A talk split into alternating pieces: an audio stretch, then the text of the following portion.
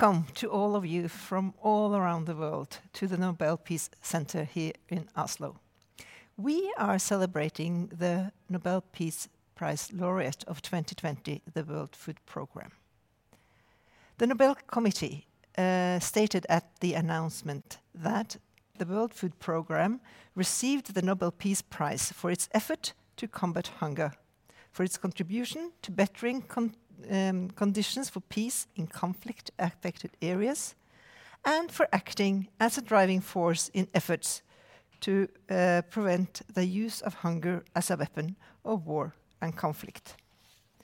Therefore, through a series of different events and exhibitions, we are setting the light on World Food Programme's very important work and exploring the relationship between food and peace. In today's dialogue, which is the second dialogue in a series of four, we, together with the World Food Programme, have gathered top notch peace researchers, practitioners, and policymakers to discuss current evidence on the link between food security and peace. We will also discuss efforts to expand the evidence base and devise a systematic method to measure peace contributions. I'm very proud and somewhat starstruck to introduce our amazing panel of today. Valerie Guarnieri, you have been the World Food Programme Assistant Executive Director since January 2018. In this role, you lead cutting edge program and policy development towards ending hunger, spearheading World Food Programme's effort to ensure protection and inclusion, expand school meals and nutrition programs, empower women, build resilient food systems, to name a few areas you are responsible for. Before World Food Programme, you worked in the US government at the National Security Council and the US Agency for International Development. Very much welcome. Dan Smith, you are the director of SIPRI and has a long record of research publications on a wide range of conflict and peace issues. You are author of successive editions of Atlases of Politics, of War and Peace, and of the Middle East. And you also blog on, international, on international politics at your own well-known blog. In Norway, you are well known as the director of International Peace Research Institute uh, here in Oslo from 1993 to 2001. Warmly welcome. And then Dr. Stephen Sverre Omar Omamo is the world. Hello, you're there. Good to see you today. Uh, you are the World Food Programme's country representative for Ethiopia, to which you were appointed in January, uh, June 2018. Uh, prior to this, you were uh, the Deputy Director of Policy and Programme and Coordinator of Food System Strategy, Policy and Supports in World Food Programme's headquarters in Rome. You too has a long and distinguished career from both Kenya and African institutions. Warmly welcome to you as well. Next, we have Comfort Ero. Hello to you. The interim vice Hello. president for the crisis group since January 2021 and also still acting African program director. In your role as vice president of the crisis group, you assist the president in leading the organization's programs and represents crisis group to international, internal and external stakeholders. Comfort also sits on the editorial board of various journals, including International Peacekeeping. Welcome to you as well. And then Thank last, Betty Bigo uh, Bigombe. Uh, and you, there you are. Hi. Um, you have played a key role in conflict Hi. resolutions in Africa, leading peace and humanitarian efforts in northern Uganda, and currently in your role as Uganda's special envoy to peace process in South Sudan. Most recently, you served as a senior director for fragility, conflict, and violence in the World Bank. And prior to that, you served as state minister for water resources in the Ugandan cabinet and also as a member of the parliament. You have received a number of awards honoring your long standing commitment to peace and humanitarian affairs throughout your career. Thank you so much for joining us today. Well, uh, now we'll, um, we'll go to the uh, panel and then um, start with you, Valerie. Since World Food Programme was awarded the 2020 Nobel Peace Prize, there has been much greater attention uh, to the link between food and security, food security and peace. Valerie, how do you see World Food Programme's role and ambition with regard to contributing, contributing to peace? And what evidence is World Food Programme basing this on?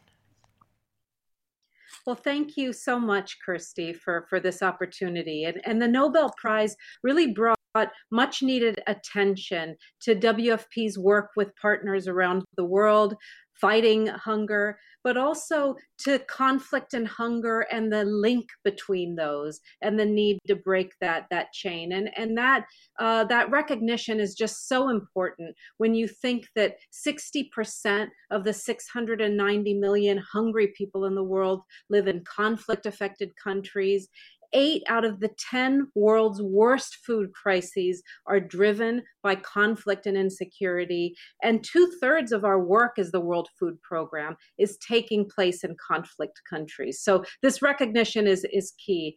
But the Nobel Peace Prize Award also presents a, a great responsibility, a responsibility to do more and do better by way of people caught up in conflict and insecurity. And with WFP, it also calls upon on us to ensure that we're informing the global discourse and bringing an operational people-centered voice to that uh, to that discourse. So you know we know that conflict is the main obstacle to achieving uh, sdg 2 or ending hunger and it's the area of the global goals that WFP contributes most directly to. And so we have a vital role to, to play, a role that we play in partnerships and really drawing on the vast partnerships that are deployed to address conflict and, and, and hunger, uh, the operational reach that we have, the knowledge and the trust of the communities that we bring, and our ability to innovate and bring interventions to scale. And, and all of this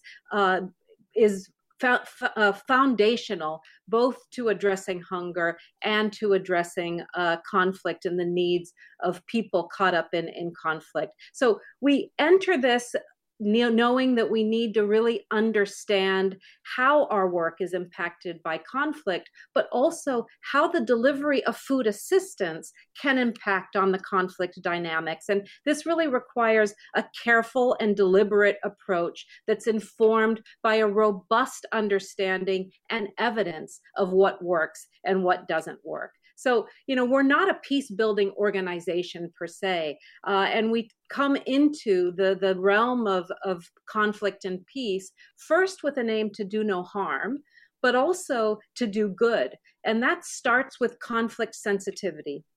We need to plan and undertake our work in a way that promotes peace, puts the needs and desires of people at the center. And in order to do this, we recognized that we needed to expand our peace and conflict related knowledge, our skill sets, our capacities, our partnerships, and our systems, and to tackle that evidence gap, Kjersti, that you referred to. So in 2018, uh, we launched into a partnership with the Stockholm International Peace and Research Institute. And, you know, this partnership has really been very helpful for, for us and, and for SIPRI as well to bring the knowledge and the operations further. Uh, we started with a, uh, a look at four countries so we could better understand together what WFP's current and potential role in uh, to peace was. And through that, uh, we wanted to understand what our uh, the capability we already had was, but also how through our reach we could contribute further. And we found through those studies that by uh, providing economic empowerment, by giving an uh, uh, good uh, strengthening the citizen state link, by building community level cohesion. These were all ways in which we can contribute to peace. We're already contributing it, but could do it more if we uh, moved forward in a more systematic uh, way. And a great example of that is uh, some of the border work in, uh, between Kyrgyzstan and, and Tajikistan where we know that water scarcity has been a source of tension between those border communities for years. And by providing food assistance uh, to these communities while they worked in engaging on irrigation canal repairs and construction that were vital to both communities, we were able to increase production, reduce hunger, and create positive means in which the, the, the communities were working together. So reducing these tensions. So hence it's often about the how we work in addition to the what uh, the what we do.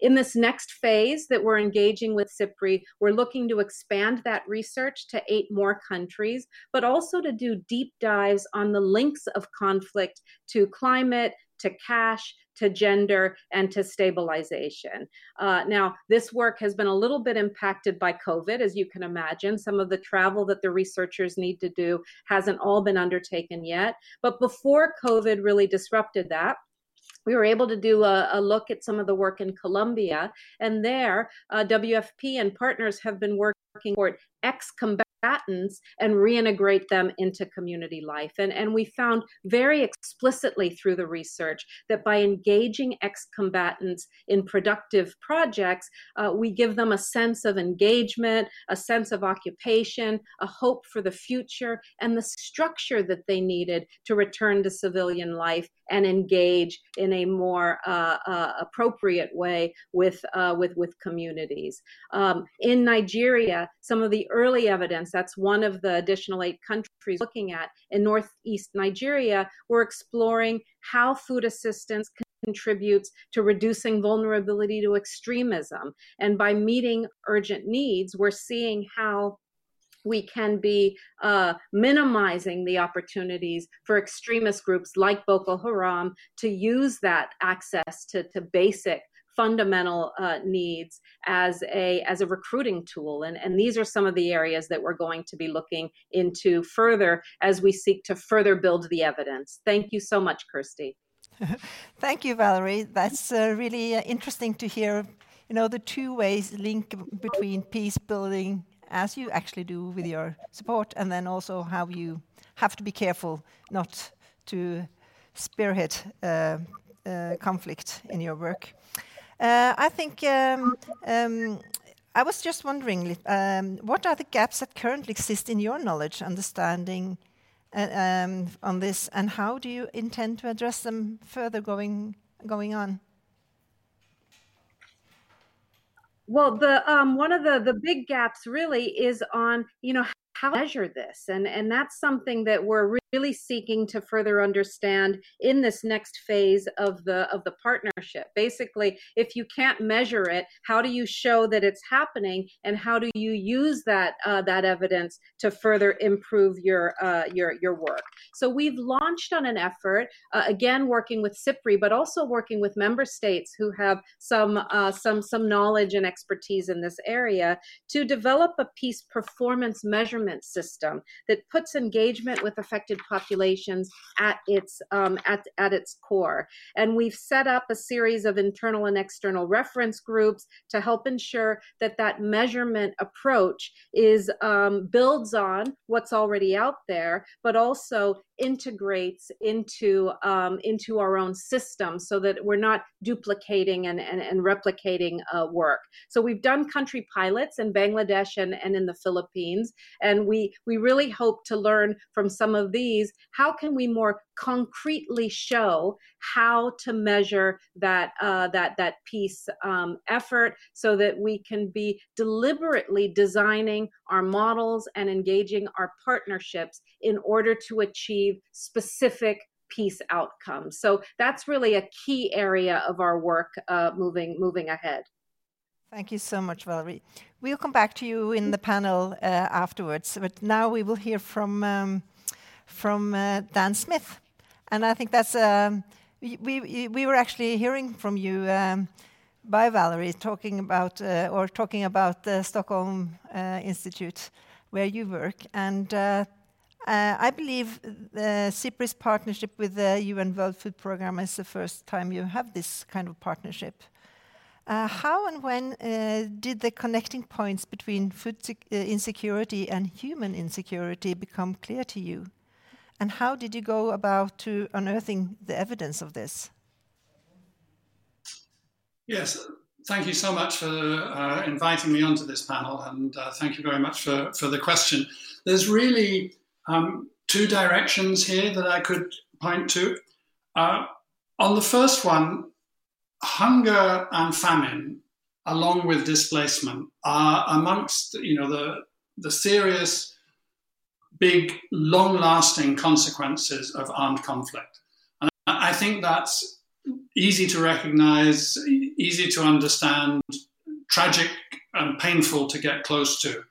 And when Valerie has talked about what uh, WFP's current workload is, then that in two thirds of the countries where it's engaged, it is engaged in conflict affected countries, then this is the, the, the linkage there is, is, is, in some senses, from an intellectual point of view, is, is, is straightforward and, and easy to understand. The second part of it, the second direction, is it's sense in the opposite direction. I mean, violent conflict causes hunger, Good, fair enough, got that clear. Does hunger also cause violent conflict? Is there a, a connection in that direction?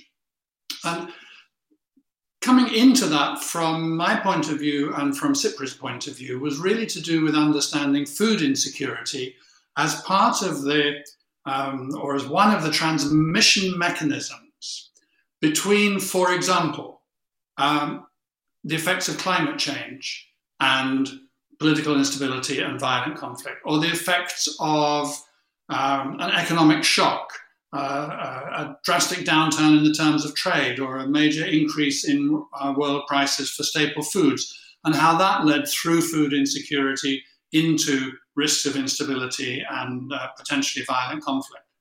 And there's really a quite considerable body of research on this, and I think that the connection is well established.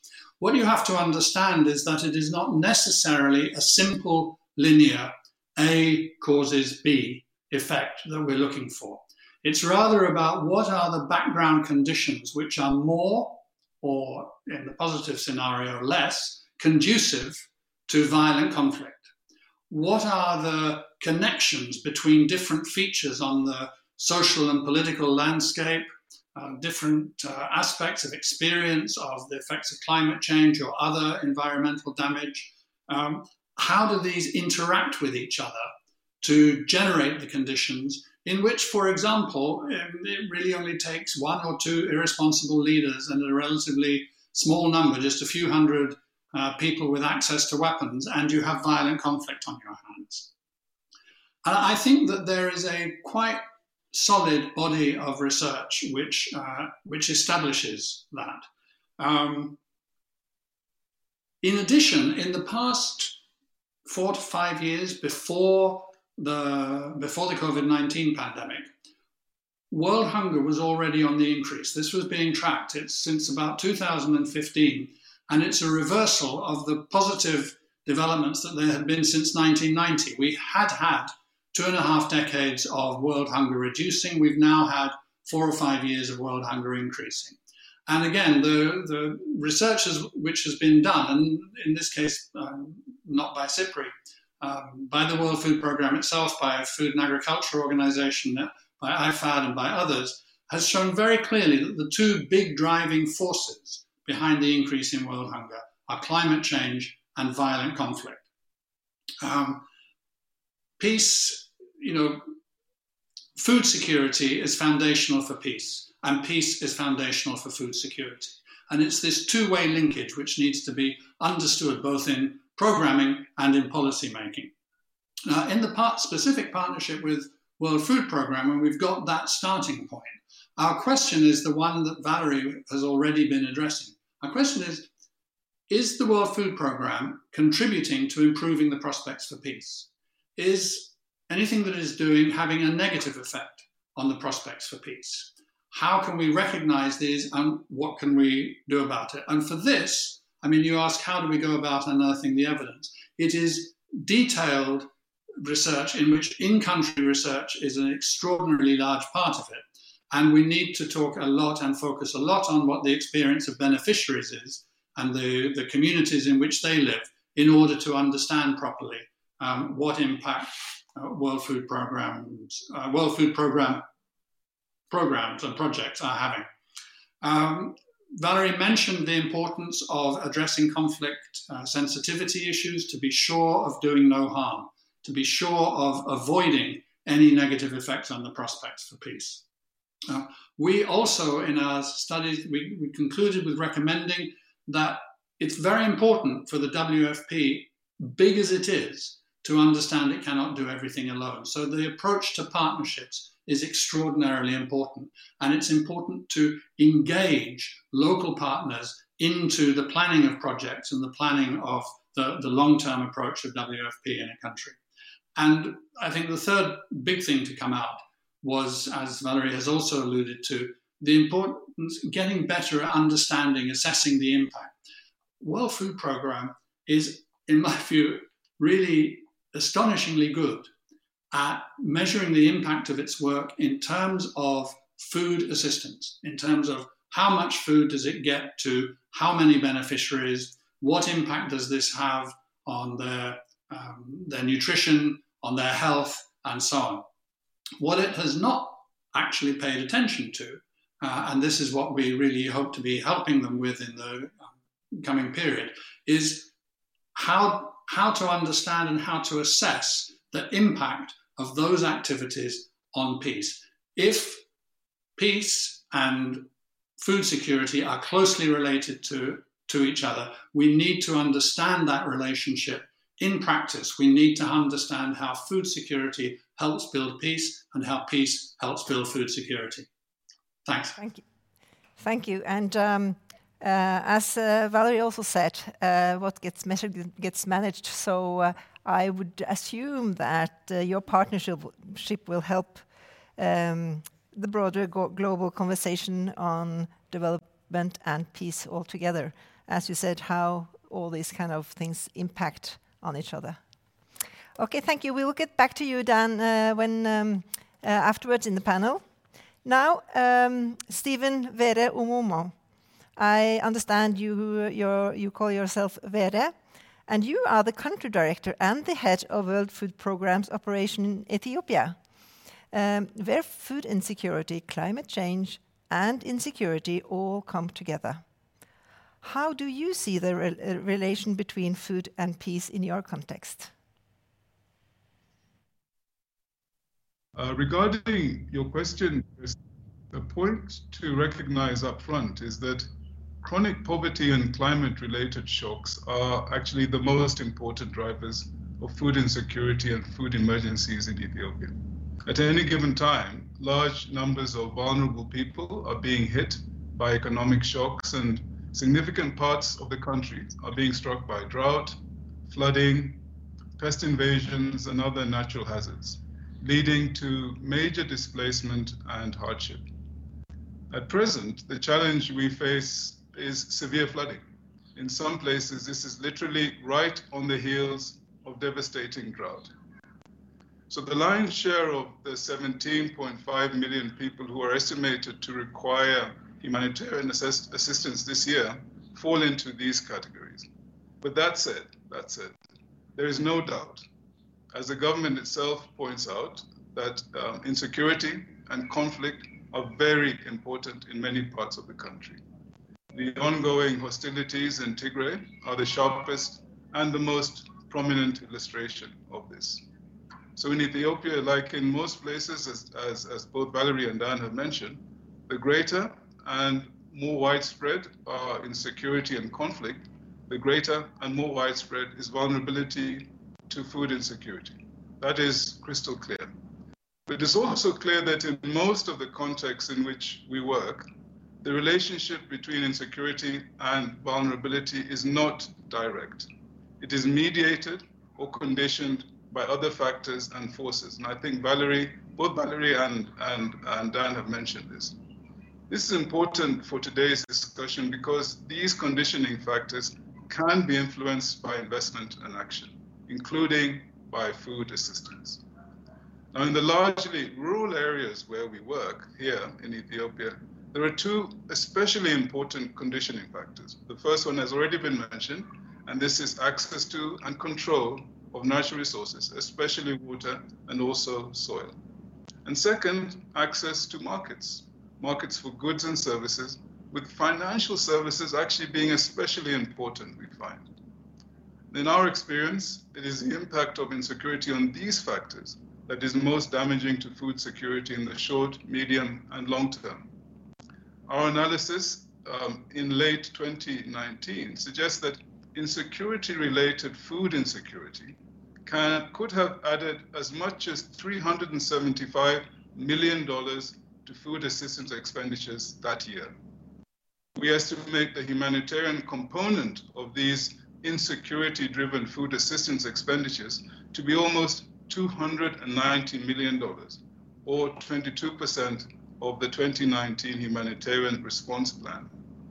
Now, a useful way of thinking about these insecurity driven food uh, expenditures is as implicit measures of food security related dividends to peace in Ethiopia. Those potential dividends, in our view, are not small at all. Now, our analysis also and experience also suggests that insecurity seems to matter most at high levels of underlying vulnerability, as importantly do these conditioning factors. That is, peace is most important and most beneficial for the most food insecure populations. The greater the underlying vulnerability to food insecurity, the more potent is the impact of insecurity. And the greater would appear to be the returns to investments to address conditioning factors and thereby blunt the impacts of insecurity. This, we feel, is why food assistance is so important. And this is how we feel it is linked to peace in, in many contexts. Now, just to be clear, by food assistance, I mean not just transfers of food commodities to hungry people, but rather that set of multifaceted instruments, programs, and delivery platforms that empower vulnerable and food insecure people and the communities they live in to access nutritious food. We are confident that in many of the areas where we work, there is what we think of as a sweet spot where the prospect of peace can meet enhanced access to and control of natural resources, especially water, and expanded access to markets, yielding major benefits for households and community. We have a category of food assistance initiatives that operate within that envisioned sweet spot. One activity, the Rural Resilience Initiative, or R4 for short, focuses on smallholder, vulnerable smallholder farmers. The other activity, uh, the Satellite Based Index Insurance Program, or SIIPE for short, focuses on vulnerable pastoralists. And we were very happy to have this uh, initiative studied quite closely by the SIPRI um, uh, partnership. Now, for both R4 and SIPE, alongside food transfers, we provide vulnerable households with access to weather index insurance and other financial services delivered on digital platforms, plus improved production technologies and expanded choices in key markets for goods and services. All of this in exchange for contributing to the construction and rehabilitating of, of, access, of assets in their own communities, typically through enhanced management of soil and water resources. The results are, are very encouraging, where we see improved resilience to climate shocks, enhanced food and nutrition security, creation and protection of key assets, financial inclusion, livelihood and income diversification, while also contributing to efforts to transform the national environment and critically for the peace agenda in our discussion today, help set vulnerable communities and regions on pathways toward greater stability and enhanced cohesion. Thank you Thus so far, much. we have reached 300,000 farmers, and we aim to reach a million more next year. Thank you. Thank you so much, Vera. Given the complexity on the ground uh, and the um, uh, the number of people affected. I must say I was very encouraged to hear that you were able to find sweet spots and that you also had encouraging results. And we can come back to that later in the panel discussion, I, I believe. Thank you so much. Comfort Ero, uh, the international crisis group works to prevent war and shape policies that will help build a more peaceful world. Comfort Ero, how does Crisis Group see the relationship between food security and conflict? Thank you, and thank you for the question, and also thank you for inviting me to the panel. I, mean, I think um, Valerie's opening remarks just hit the, the, nail on the head when you listen very care, carefully to the statistics that she provided. You know, 60% of the world's population live in conflict. Two thirds of WFP's work is taking place um, in conflict arenas. So, for crisis groups' perspective, you know, our work is to sound the bell, you know, warn early about um, conflicts and try to sort of get international um, action um, towards those conflicts. For us, you know, we see conflict as being at the heart of the food security, which is which is why we welcome the conversation that WFP is having um, today. You know, we also see very clearly, and we've seen it whether it's in Somalia, in Sudan, for example, how conflict harms subsistence, subsistence agriculture, for example, how it harms um, cereal production, livestock, or even decimates food industries that had been nationalized. So, for example, we witnessed, um, our research showed that things like milk and bread in Venezuela had been disrupted as a result of conflict and insecurity in, in that crisis. We've also seen our own research um, how conflict actors um, divert food, um, food aid, you know, for their own side in the conflict. They often deny it to their enemy. They use hunger as a, as a weapon. Pretty much in every conflict area that we work in, again, whether it's in Somalia, whether it's in Sudan, whether it's in Ethiopia, where a WFP country director was just talking about, even in Syria and Yemen, local elites capture aid distribution, armed groups profit from, from aid distribution, warring factions themselves manipulate and use access um, of food as an instrument of, of war as well. And we've also seen that conflict affects the demand for food, that that is the ability of people, for example, to purchase the food that is around. Um, this is particularly in that it depletes people's margins of dealing with shocks such as droughts and blocked access. So in every single conflict zones, we've seen just how you know the supply of food, access to food, you know, food insecurity, how that is really at the center of a lot of the crisis that, that we're focusing on. And so another point um, to make um, is also that food and the fuel to deliver it is often taxed in war environments by the by the different warring factions. And what, so for example, I'll give you a, a very good example. We're currently in Crisis Group, we're working on a report on Yemen about the economics of war there in that particular crisis. And there, what we've noticed is that you know the, the, the war economy may outlast the military war itself. So one of the conclusions that we've drawn, for example, from the study that we've done in Yemen, among other things, is that the currency manipulation is the most important reason for hunger in that in that conflict as well, which is especially prevalent in the country in the country south, for example. If you want to deal with, with, with food insecurity, you have to deal with the underlying economic conflict drivers.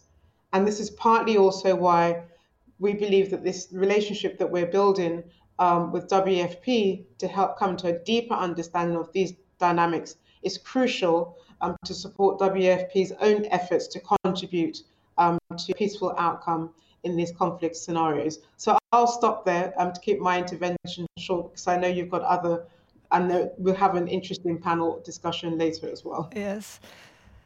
Thank you so much, Comfort. It was really interesting to um, to listen to you and all the aspects that you're um, uh, that you're um, working on. Uh, I was about to ask you um, what the crisis group was hoping to get out of the partnership with the WFP, but I think you already answered that, didn't you?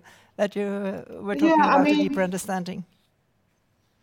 Good, and yes, because both organizations, we're interested in saving lives, we're interested in supporting vulnerable um, societies, and the reason why um, the World Food Programme, you know, came to, to Crisis Group and why we want that relationship as well is because we see it as a win-win situation.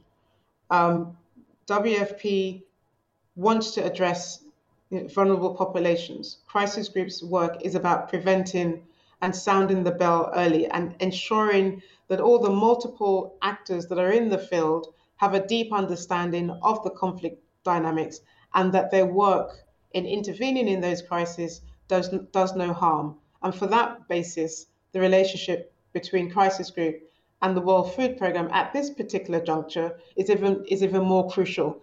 And the reason why I think it's also crucial is that the conflict landscape has been changing, and food security is at the heart of what you can call conflict 30, um, 300, 300, 300, for example. First, you had you know states that were the main actors, the main conflict actors. After 9/11, we saw the growth of non-state actors, and today both these kind of sort of conflict actors are still with us, but you have other um, actorless threats um, that we're seeing, and food insecurity sits at the intersection of the three sort of actorless crises. So Dan Smith has emphasized, for example, um, climate and climatic shocks. The other sort of um, 301 sort of conflict that we have today, actorless conflict, is the health global pandemic, which we're all having to, to grapple with. And tied to that is inequality. The long tail of COVID has further exposed the inequalities that we see in a number of, of countries, particularly those fragile or conflict affected states. So it's a new partnership with, with the WFP to help both of us, both our institution, address these new actorless threats that are now affecting a lot of a lot of the, the countries um, that we're working in. And just one thing that I, would like to, to, to point out is, you know, about our partnership is the partnership was also born out of our interaction in the field, FP staff.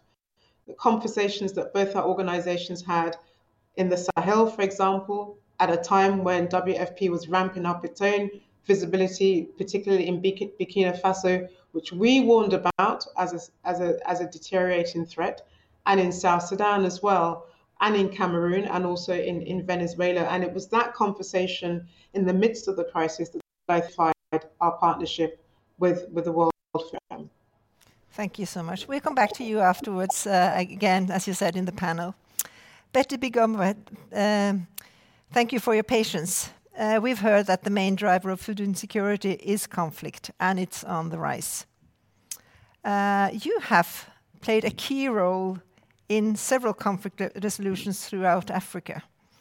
And you have led the peace process uh, in northern Uganda and are currently involved in, in South Sudan. Can you tell us from your experience what are the key ingredients for successful conflict resolutions? Uh, well, first of all, thank you very much for having me. But I also must point out that the system has not been uh, steady. I've been locked out from time to time, and I've had to uh, reboot and then open again. I hope there won't be such interruptions. That said, I was advised not to talk about this, but I thought it's, to, it's still worth mentioning the fact that uh, the no- Nobel Peace Prize award last year went to World Food Program. I think this is commendable. Commendable, uh, me as a recipient of some small time awards I always feel guilty because those who contributed, I know that alone I could never do it. And they're oftentimes left out. And I think this is great that we're now looking at organizations recognizing their huge contributions. These are unsung heroes. And I think uh, it's important because it it's also speaks to promoting teams. It also speaks to uh, what we usually preach about that is inclusivity in peace processes. So let's include in recognition. Thank you. Um, I'm going to talk mainly about my experience in northern Uganda and now South Sudan on how provision of humanitarian assistance or food, if you will, has contributed to to giving hope, saving lives. Uh, when I first got involved in northern Uganda, the first shock was I hadn't realized that starvation actually kills. Um, there's starvation which kills, but that makes uh, people who are starved very vulnerable to other diseases. I saw how many children were dropping dead. We are still seeing this in Yemen. We are still seeing it in Syria and in South. And consequently, contribution, uh, the, the, nexus between uh, peace and conflict resolution, it's very, very close. Uh, I in northern Uganda, let me start with that. First of all, we had to have with World, we negotiated and persuaded World Food Program uh, to provide food in for schools, schools in internally displaced camps or in refugees camps. This made a huge Im, uh, uh, impact. In the first place, it was a form of incentive for children to go to school because they were assured of at least one meal a day. Um, it was, it, we could also see the rapid change in the health of these kids. Uh, we could see, I could clearly see, I was urging women uh, to participate in the peace process. But there was no way they could because they had to, they had other shows. And the major one was provision of uh, food to their families. And the moment the program, when the program really picked up, women then had time to participate in uh, peace processes. And it, and it's it's not just that; it gave them hope that somebody somewhere is thinking about them. So, um, provision of food uh, the nexus between food and conflict resolution. Uh, very, I've seen it in real life, how it has worked. Uh, it's not only that. If we look at all these peace talks, the negotiations that are going on, there's always demand of access to food, uh, uh, access to food in either internally displaced camps or in refugees camps, mainly by non-state actors um, often this is granted. It is also it also sends a very strong signal that the other faction or the other party is ready to engage in a different way and not uh, bent on uh, punishing um, uh, people, the other faction, so to speak. So um, it it is a form of incentive to get the to- the parties to keep to keep engaged. It's one of the very key basic necessity uh, that provides incentives uh, to uh, the the parties. And as I said earlier on, uh, the, the, participation of women when th- that show is lifted away from them, that they're more they're able to participate. It's not even only that. We have to look at it that women in camps and internally displaced camps always venture out to go to the field to look for food to uh, feed their families. In the process, some of them get uh, blown by landmines. Some of them get raped in the process. So the provision of food, uh, wherever they are, even in squalid camps, keep them together keep them out of that danger that can be uh, avoided. Um, I also think it is important that uh, I should say something about uh, the UN uh, resolution 2417, which I think is um, is excellent, is perfect. Uh, but me as uh, a peace activist get very frustrated get frustrated that this is a fantastic document. It's very well written, documented, researched, and all that. But the language that is used in this resolution is we urge the parties to allow access for humanitarian assistance. We um, uh, let me look at all the, the, the languages, uh, beautiful diplomatic languages that are usually huge, I mean, used uh, for the non state actors. Now, this does not really drive the point home. It does not bite those who uh, prevent access, block access, access to delivery of humanitarian assistance. If, if the resolution was bold and strong and comes out clearly to state that the consequences of not allowing access is A, B, C, D, E. Recently, I was in South Sudan and uh, we had this discussion.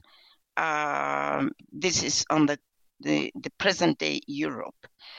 And my, my topic was about sanctions, how effective they are, and whether they work or not. And uh, I was, I mean, South Sudan, you probably know that has the highest number of government officials that sanctioned.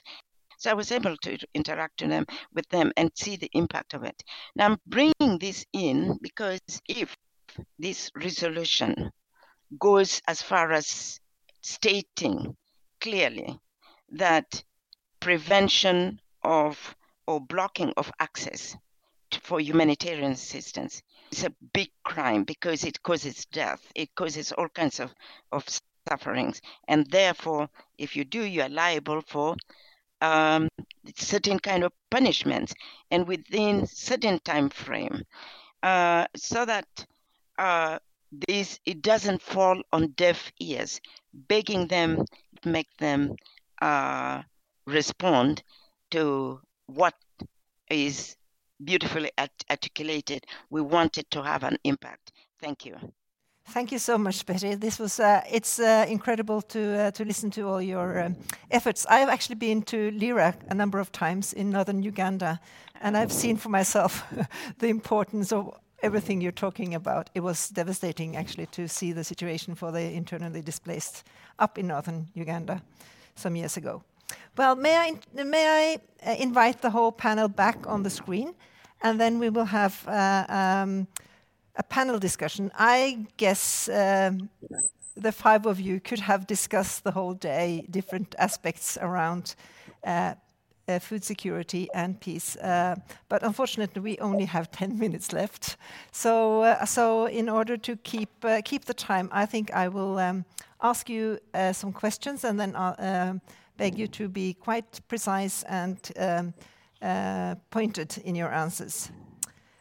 Uh, Dan, first uh, a question to you. Uh, since you since you work in Sweden, how do you see the opportunities for World Food Programme to use the Nobel Peace Prize to further build on its work? Well, I think that the WFP has become a clear leader in this field on the relationship between food and peace. Uh, I don't mean you know a research leader. I mean a leader in terms of the global political discourse and understanding. And so I think that one of the most important things for WFP to be doing is to be how, can I say this in a polite way? Valerie, we, we, we get on well, so you know that I'm not being rude or critical about this. But you have to have your act together in every detail. You have to be working as a program to ensure that what you do on the ground, that nobody can poke holes there and see that there's something that's gone wrong and that you're not thinking about stuff properly. You've got to be bringing in at the cutting edge, at the, at the leading edge of um, impact assessment to understand uh, the peace building effects that you're having. And you need to be taking part in the global policy in a really and di- direct way. You, you asked me to be pointed, and I guess I was. Thank you. Comfort. Um, you were talking about uh, access to food as and all the conflicts uh, at the heart of the food um, insecurity. Um, what are the main threats on the African continent now, as you see it?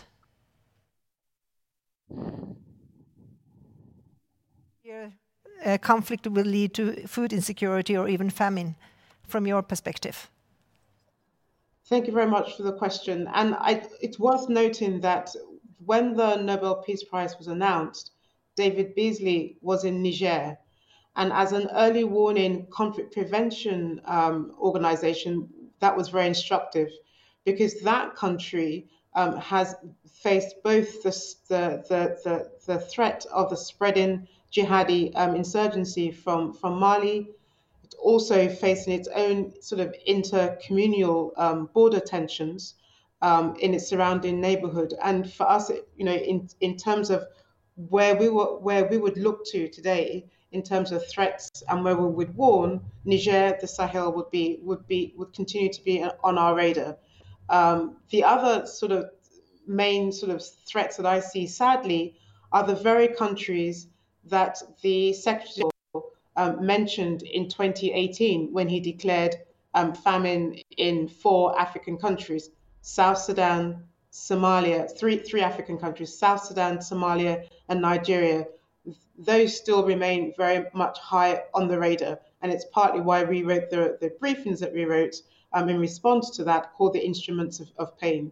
Specifically on South Sudan, where um, Madame Betty Bigombe is the, the envoy, she knows this um, very well, better than, than me. We are actually in the 10th year um, of that country's independence from, from Sudan, and that country's problems are getting deeper and deeper. You know, years of civil war have devastated the country, leaving, you know, just just short of half a million people dead, displaced, four million um, people displaced, um, and every Sudanese themselves is in is in um, fear of uh, poor access um, to food. So Sudan requires, South Sudan requires massive sort of food aid and prevention. The other country that I still see as a, as a major threat in terms of, you know, violence, um, the, the threat from armed combatants in Somalia. But I want to focus in because of our, our colleague, our, um, the country director of the World Food Programme, to say that for me, where I fear conflict will lead to food insecurity or even famine. We're already seeing that unfolding in Ethiopia's Tigray region. Fighting, you know, that broke out since the, the 4th of, of November. You know, there have been various warning bells, um, concerns, even from WFP, about the, the real threat for this um, um, war to provoke famine.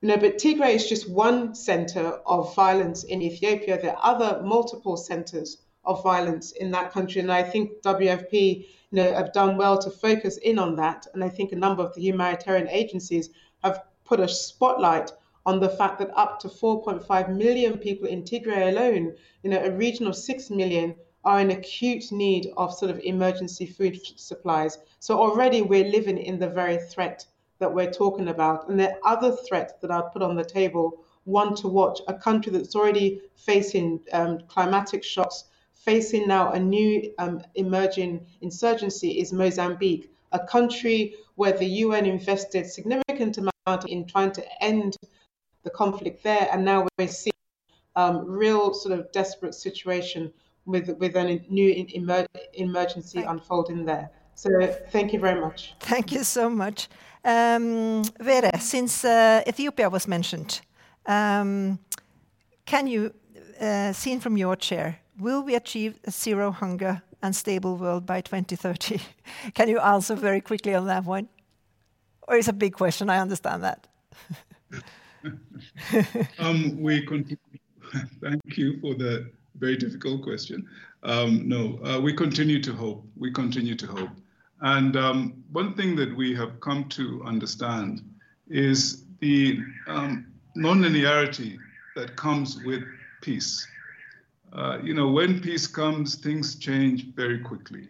And so efforts to address peace and um, break that link between conflict and um, food insecurity, um, the more successful they are, I think the big, the, the greater the chance we have to reach there. Now, I, I think because of the, the size of those changes that can um, emerge when peace comes, I'm, i remain optimistic. Um, that isn't all that we need to do. And as I mentioned earlier, um, uh, there's a lot more to be done. For instance, Somali region now is largely peaceful in Ethiopia, largely peaceful, but we have 2.4 million people still requiring humanitarian food assistance this year. What is required is creation of the kinds of platforms that I was describing earlier, where we bring together different forms of support to communities and give them new choices so that the reliance and dependence on food uh, assistance can be averted and they can then pull themselves um, into uh, stability, uh, cohesion, and food security. So I'm, I am optimistic because of what we see can happen in a place like Somali region in Ethiopia, where now the prospects look so positive for the years to come. Thank you. Betty, you were talking about, um, you were quite frustrated about Resolution 24, uh, 2417 as uh, it was not uh, doing enough. But another thing that I also uh, noticed, uh, you were talking about uh, women, what hindered them in participating in peace process and what we could get out of involving them. could you very, very short, because we're running out of time, but I'd really like to hear you say, what can we all do uh, to work harder to integrate more women in peace building efforts. Can you very short uh, give us uh, some something right. to work thank on? You. Yeah, thank you very much. Lately, I've been seeing the uh, the grassroots women in South Sudan, the effort they're making on their own without any support, um, and how can we empower them, for example, before they go out to reconcile their communities or even talk to their children to give up fighting? How can we empower them so that they have food to put on the table before they can go out on these duties? These are women who are giving their time, who are begging to, to, uh, for looking for opportunity to live in dignity. They're doing the little that they can do with their communities, but without much recognition, without any capacity building, um, and economically, at least to be able to put food on the table before they go. I've watched these women with one, maybe one cloth to wear during the day. She washes it in the morning, looks for food to put on the table, and she's going to another camp to meet with other women to reconcile their respective communities. There's a lot of potential in there. Thank you so much, Betty. But we're not investing really enough. we're not investing enough. No, thank you so much. uh, based on today's discussion, Valerie, what is the most important step forward in translating this enhanced understanding into action on the ground? And very short, I'm, I'm sorry about that, but time is running out. Well, I, just to say, look, the way needs are growing, uh, we need to be investing in prevention. Prevention always, humanitarian when necessary, development whenever possible. This needs to be our mantra, and we need to make that real on on the ground. Uh, simultaneously doing no harm while investing in doing uh, doing good. And and as dan was highlighting this can't be an ad hoc approach. It needs to be systematic systematic from the planning through to the implementation and then that evidence that shows that things are working. And then the last point really is on partnerships. And we talk a lot about you know partnerships with you know other international organizations local organizations and and, and that's key. I think you know some of the exciting things we've been showcasing here is how you know the partnership with SIPRI, that's a knowledge partnership. The partnership we've now formed with the International Crisis Group, which is, you know, bringing, helping us to more systematically incorporate conflict sensitivity in our work. These kind of partnerships are fundamental as as well, and we need to be working together if we are going to be reducing conflict and building the better prospects for peace. Thank you so much, Valerie. And on that note, um, working together and bringing down the silos, I want to introduce our next talk. Uh, so, thank you so much to the panel. It's been really lovely, interesting, and also a little bit heartbreaking, I must say, to, to listen to you today, but mostly uh, quite Im, um, inspiring, and I have a hope for a better future. So, next uh, dialogue in this series will be on June 17th uh, from 2 o'clock to 3 o'clock Central European time, uh, time.